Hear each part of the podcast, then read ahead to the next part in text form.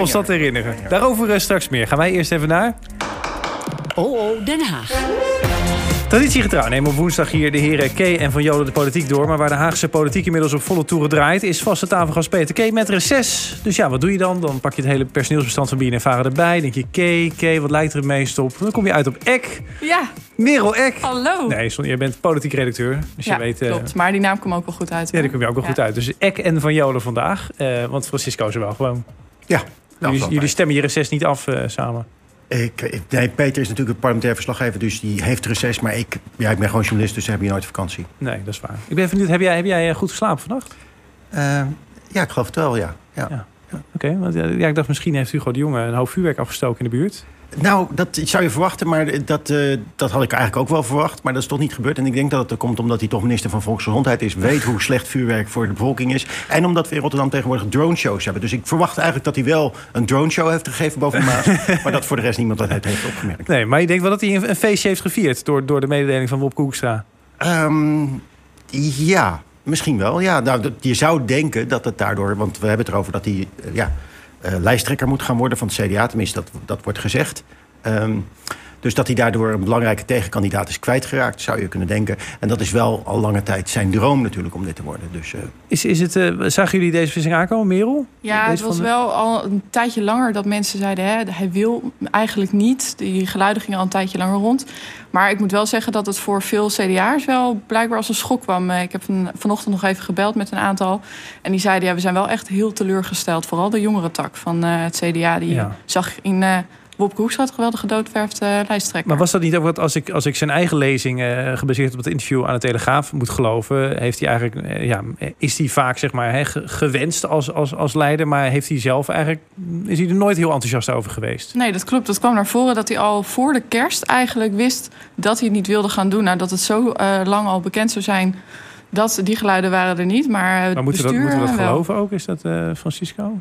Eh, ja, dat weet je eigenlijk nooit met politici. Hè? Dat is een beetje de vraag wie moet je geloven. Eh, wat wel is, is dat... Dit, dit, dit- ja, eh, er is maandag een spotje uitgebracht door de voorzitter, Rutger Ploem...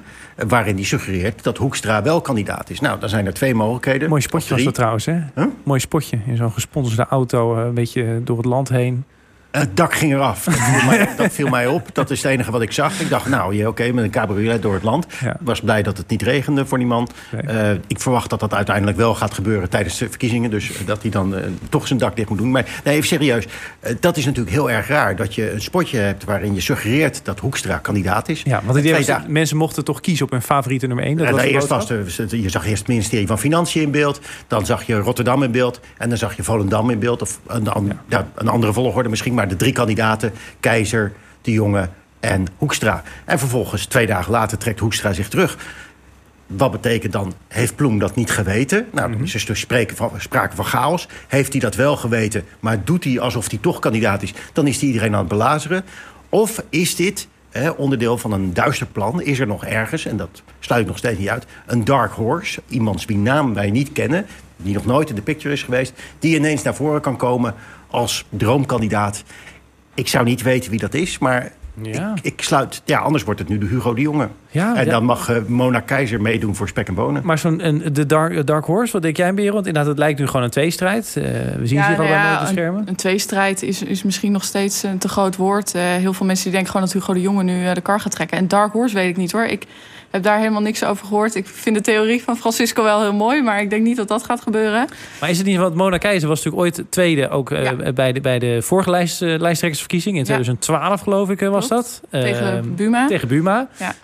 Dus waarom zeg je, is, Nou, zij is toch niet kansloos? Nee, ze is niet kansloos. Maar als je de geluiden vanuit het CDA hoort, zowel vanuit de jongere tak als de wat gevestigdere tak. ehm, hoor je niet echt enthousiaste geluiden over Mona Keizer. En ik moet zeggen dat ik dat zelf wel opvallend vind. Inderdaad, wat jij zegt, in 2012 hè, won ze met volgens mij 26% van de stem de tweede plek dan eh, tegen Buma.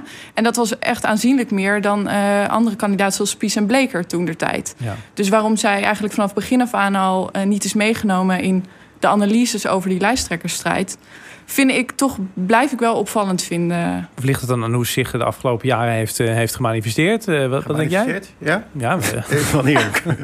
wanneer? wanneer? Wanneer had ze zich gemanifesteerd? Oh, je, je hebt nog iets van haar gezien, bedoel je? Nee, ik is een beetje uit beeld verdwenen. Ja? Ja, nou ja, niet uit beeld verdwenen. Die zit natuurlijk wel, maar tegen Hugo de Jonge geef ik er weinig kans. Tenzij, ja, de, we zijn nog maanden ver van de verkiezingen.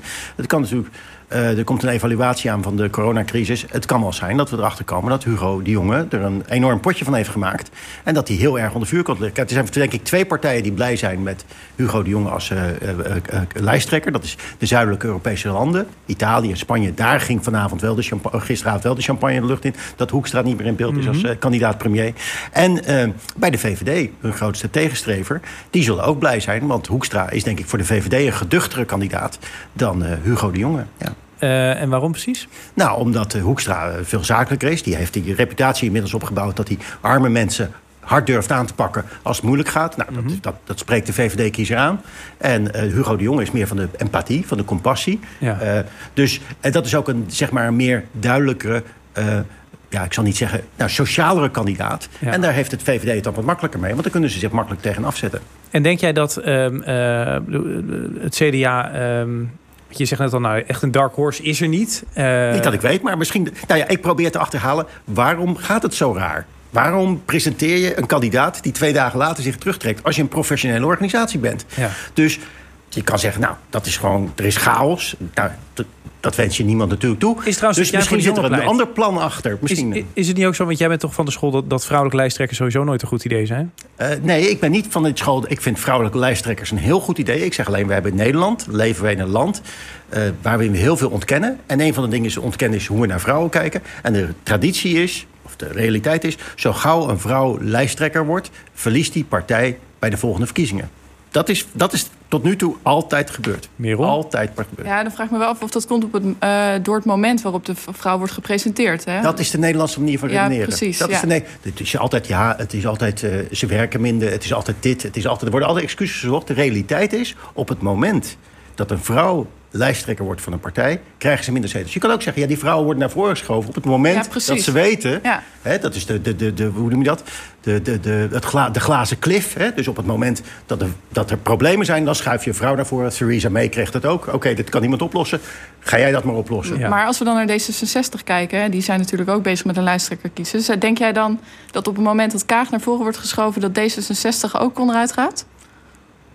Ik denk dat D66 minder zetels... Ja, dat ik denk, want ik, nou, ik kan alleen maar dit zeggen. Als er een vrouw in Nederland lijsttrekker wordt dan tot nu toe altijd krijgen ze minder zetels. Maar als we die wetmatigheid maar... dus toepassen op de, op de lijsttrekkersrij binnen D66... die moeten volgens mij voor, voor het weekend gaan ze een keuze... of ja, dat is gaan wel, ze uh, gaan Jetten en, en Kaag aan elkaar vertellen... Ja. of ze het wel of niet ja. En het zou natuurlijk mooi zijn als Kaag dat weet te doorbreken. Dat zou ik toejuichen. Dat zou ik, dat zou ik geweldig vinden. Je, je, geeft ze niet echt goede hoop zo, uh, Francisco. Ja, omdat ik zeg, omdat in Nederland hebben wij Nederland. een man-vrouw probleem... waar we het nooit over hebben. En dat uitzicht oh, het duidelijkst hierdoor... waar we het ook nooit over hebben. Je kan het gewoon in de statistieken zien. En altijd worden er gelijk excuses gezocht. Altijd wordt er altijd gezegd dat het niet zo... Dit is de realiteit. Een vrouwelijke politicus is nooit zo populair als een mannelijke politicus. Geweest tot nu toe. Ja. Merel? Ja, nee, ja, ik, ik, ik, ik denk toch dat als Kaag... Uh, ja, nee, ja, dat ga ik echt... Nee, ja, maar ik denk als Kaag uh, uh, lijsttrekker wordt van D66... dat ze niet zozeer zullen verliezen in ieder geval. En wellicht zelfs zullen toenemen in het aantal zetels. Omdat er ook een grote groep snakt naar een vrouwelijke lijsttrekker. Ook van andere partijen. Die mogelijk dan over zullen stappen puur en alleen omdat zij lijsttrekker wordt. En ik denk dat het, als ik dat een scenario zou kunnen zijn... waardoor je uh, van twee walletjes eet, win-man, win-win zou ik maar zeggen.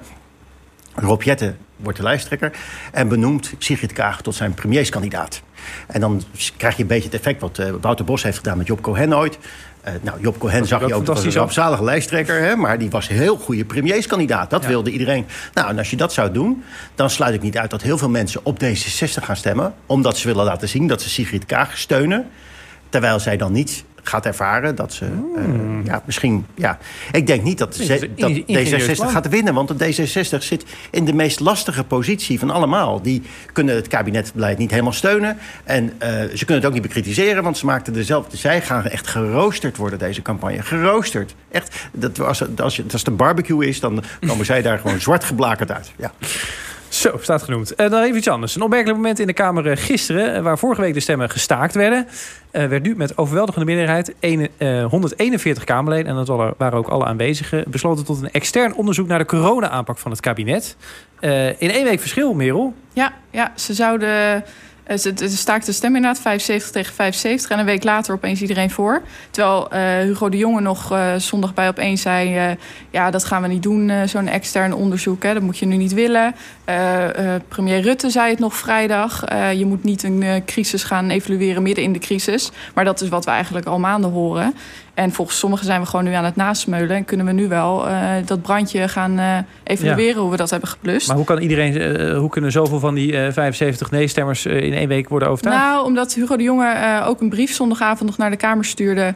waarin stond van: hè, we gaan, ik wil op zich wel externe deskundigen betrekken bij die evaluatie. Want ze zouden het intern al zelf doen. En een beetje wij van WC gaan ons eigen beleid beoordelen. Ja. En er kwamen wat scheurtjes in de coalitie. doordat D66 die is natuurlijk niet echt bezig met het hele coronabeleid. Dus die zag niet echt een meerwaarde in om dat niet te gaan onderzoeken extern.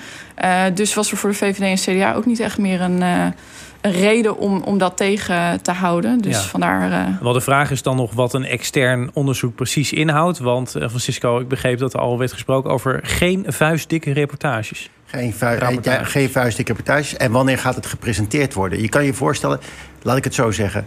Ik kan me eigenlijk niet voorstellen dat de evaluatie gunstig gaat uitpakken voor het kabinet. Totaal niet. Want we hebben misschien wel een zelfbeeld. Dat gaat, het Nederlandse zelfbeeld is altijd een beetje raar. De werkelijkheid en het zelfbeeld dat loopt nog eens uiteen. Dat geldt ook voor man-vrouw, wat ik net zei.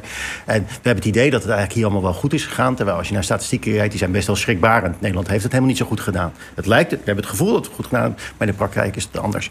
En Maar je zou het dus sorry, het onderzoek... Dan bedoel je gewoon qua, qua aantal doden? Ja, of qua... gewoon qua wat er, nou, wat er, allemaal, er is geen app. Er is, eh, eh, we hebben geen zicht op hoeveel besmettingen er zijn. Er is te laat ingegrepen. Er zijn, er, eigenlijk is al, je kan je afvragen wat is er wel goed Maar gegaan. nou ja, het leven is in, in, in niet al te grote mate... in vergelijking met sommige landen eh, allemaal op de wereld beperkt geweest. En nu dat, komt het dat is misschien wel de, waard. de beeldvorming bij de bevolking is het allemaal heel erg goed gegaan. En wie is de meester van de beeldvorming? Dat is toevallig degene die het land leidt. De premier. Als je naar hem kijkt, denk je: ik ben blij dat ik in Nederland woon. En wat heb, ben je toch goed bezig? Jij ook wel een beetje, toch? Je hebt ook Nee, echt waar. Ik ben, ik ben niet. ik- Dat, ik, ik zou liegen als ik zeg dat ik me, me zit op te vreten als ik naar die man zit te kijken. Alleen ik weet wel, als je naar de cijfers kijkt, dan krijg je een ander beeld. En wat doe je dan? Dan heb je een dunnetje rapport en dat presenteer je bijvoorbeeld in september. Wat gebeurt er in september? Wordt de begroting gepresenteerd. Hoe gaat die begroting eruit zien? Dat wordt afschuwelijk, want de crisis moet bestreden worden. Dus daar gaat heel veel over, heel veel commotie ontstaan. Als je dat samen laat vallen, zijn ze safe.